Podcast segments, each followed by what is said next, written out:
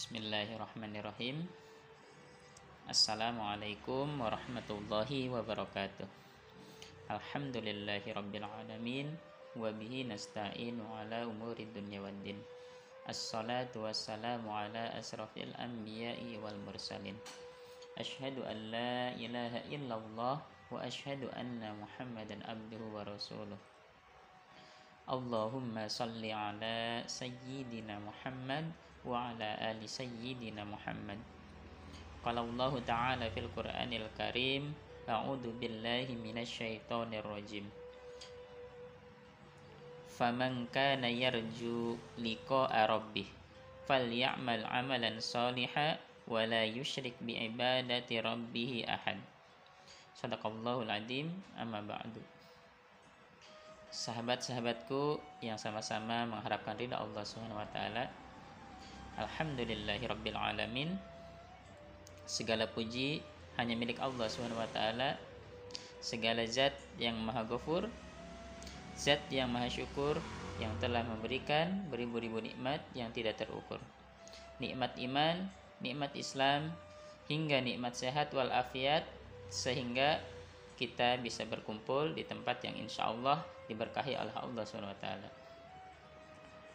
Salawat serta salam Semoga senantiasa terlimpah dan tercurahkan kepada Nabi junjungan alam Nabi besar Muhammad Sallallahu Alaihi Wasallam kepada para keluarganya, para sahabatnya, dan kita selaku umatnya yang mudah-mudahan mendapatkan syafaatnya di yaumil kiamat. Amin amin ya rabbal alamin. Sahabat-sahabatku yang sama-sama mengharapkan ridha Allah Subhanahu wa taala. Alhamdulillahirabbil alamin.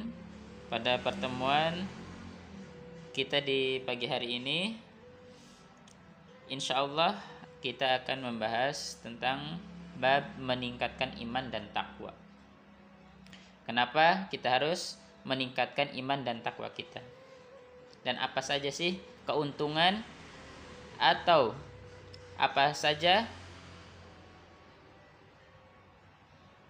keuntungan yang akan kita dapatkan ketika kita meningkatkan iman dan takwa kepada Allah SWT.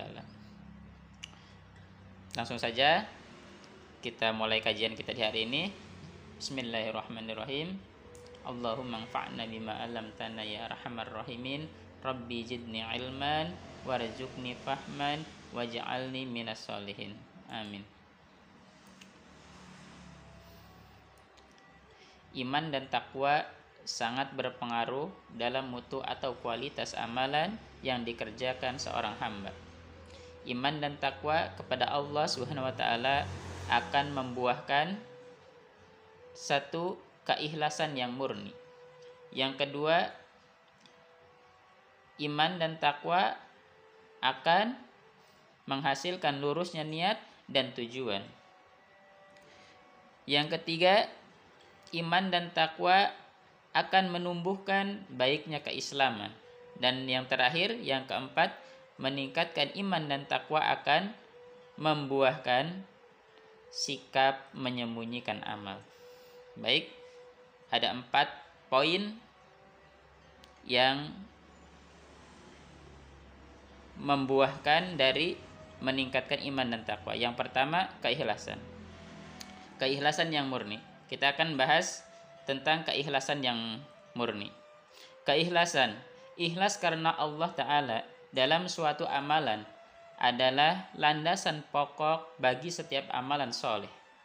Ikhlas karena Allah Ta'ala adalah rukun pertama bagi diterimanya suatu amalan di sisi Allah. Adapun rukun kedua adalah itiba atau meneladani sunnah Rasulullah Sallallahu Alaihi Wasallam. Dua landasan ini ditunjukkan oleh firman Allah SWT. A'udzu billahi minasyaitonir rajim. Faman kana yarju liqa'a rabbih falyamal amalan saliha wa la yusyrik bi ibadati rabbih ahad. Maka barang siapa mengharap pertemuan dengan Robnya, maka hendaklah dia mengerjakan kebajikan dan janganlah dia mempersekutukan dengan suatu pun dalam beribadah kepada Robnya. Quran Surat Al-Kahfi Surat ke-18 ayat 110.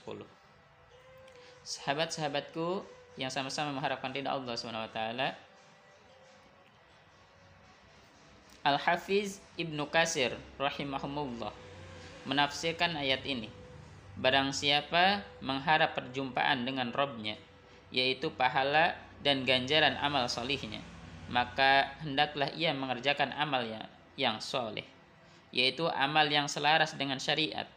Dan janganlah ia mempersekutukan seorang pun dalam beribadah kepada Robnya. Yaitu amal yang ditunjukkan hanya untuk wajah Allah semata yang tidak ada sekutu baginya. Kedua hal ini yaitu ikhlas dan iktiba adalah rukun amal yang diterima oleh Allah SWT yaitu amal tersebut harus ikhlas dan amal tersebut harus benar sesuai syariat Rasulullah Sallallahu Alaihi Wasallam.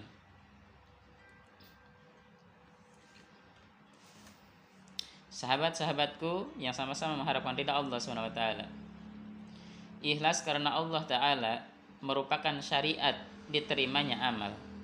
Adapun kualitas keikhlasan seorang hamba merupakan hal yang dapat mempengaruhi besar atau kecilnya ganjaran pahala yang akan diraihnya dari amalan tersebut. Allah Subhanahu wa taala berfirman, A'udzu billahi minasyaitonir rajim. Alladzi khalaqal mauta wal hayata liyabluwakum ayyukum ahsanu amala wa huwal azizul ghafur. Yang menciptakan mati dan hidup untuk menguji kamu siapa di antara kamu yang solih yang lebih baik amalannya dan dia maha perkasa maha pengampun? Quran surat Al-Mulk surat ke-67 ayat 2 Sahabat-sahabatku yang sama-sama mengharapkan ridha Allah SWT Fudail bin Iyad rahimahumullah mengatakan yaitu amal yang paling ikhlas dan paling benar jika suatu amal sudah ikhlas tetapi tidak benar maka amal tersebut tidak diterima dan jika suatu amal sudah benar tetapi tidak ikhlas, maka amal tersebut juga tidak diterima. Hingga amal tersebut ikhlas dan benar. Ikhlas jika dikerjakan karena Allah dan benar jika sesuai dengan sunnah Rasulullah Sallallahu Alaihi Wasallam. Allah Subhanahu Wa Taala berfirman, "A'udzu billahi minasyaitonir rajim." Masalul ladina yunfikuna amwalahum fi sabilillahi kamasali habbah. Kamasali habbatin ambatat sab'a sanabila fi kulli sumbulatin mi'atu habbah. Wallahu yudha'ifu liman yasha wallahu wasi'un alim. Perumpamaan orang yang menginfakkan hartanya di jalan Allah seperti sebutir biji yang menumbuhkan tujuh tangkai pada setiap tangkai ada seratus biji. Allah melipat gandakan bagi siapa yang dia kehendaki dan Allah maha luas, maha mengetahui. Quran Surat Al-Baqarah Surah kedua ayat 261 Sahabat-sahabatku yang sama-sama mengharapkan ridha Allah SWT Al-Hafiz Ibnu Kasir rahimahumullah menafsirkan Allah melipat gandakan ganjaran bagi siapa yang dikehendaki yaitu menurut keikhlasannya dalam beramal. Syekh Al-Alamah Abdurrahman bin Nasir As-Sa'di rahimahumullah berkata, yaitu menurut keadaan hati orang yang berinfak berupa iman dan keikhlasan yang sempurna. Juga menurut keadaan infaknya tersebut berupa nilainya, manfaatnya dan pemanfaatan atau penyalurannya. Sahabat-sahabatku yang sama-sama mengharapkan ridha Allah Subhanahu wa taala. Alhamdulillahi rabbil alamin. Jadi dalam meningkatkan iman dan takwa itu akan menumbuhkan empat poin. Yang pertama, poin pertama akan menumbuhkan sifat keikhlasan yang murni.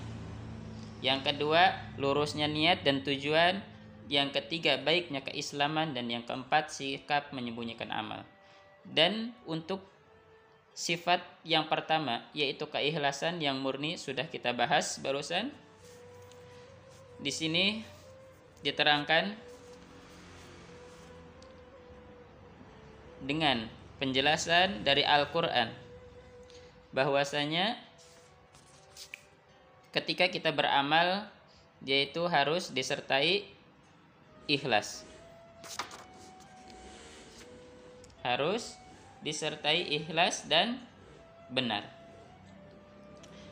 Sebagaimana yang dikatakan oleh Fudail bin Iyad rahimahumullah amal yang paling ikhlas dan paling benar jika suatu amal sudah ikhlas tetapi tidak benar maka amal tersebut tidak diterima dan jika suatu amal sudah benar tetapi tidak ikhlas maka amal tersebut juga tidak diterima hingga amal tersebut ikhlas dan benar.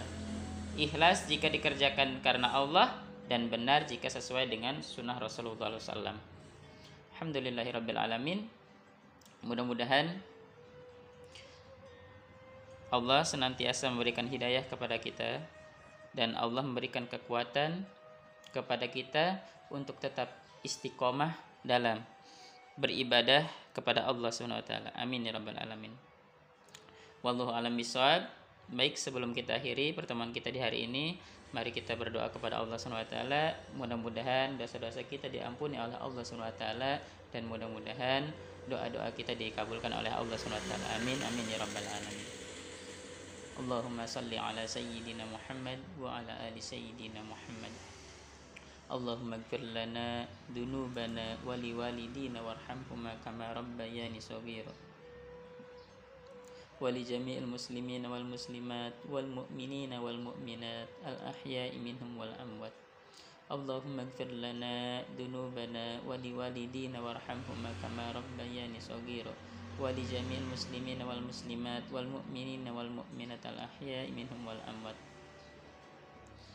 اللهم انفعنا بما علمتنا يا أرحم الراحمين اللهم انفعنا بما علمتنا يا أرحم الراحمين اللهم انفعنا بما علمتنا يا أرحم الراحمين اللهم إنا نسألك سلامة في الدين وعافية في الجسد وجيادة في العلم وبركة في الرزق وتوبة قبل الموت ورحمة عند الموت ومغفرة بعد الموت اللهم هون علينا في شكرة الموت والنجاة من النار والأفوى إن الحساب.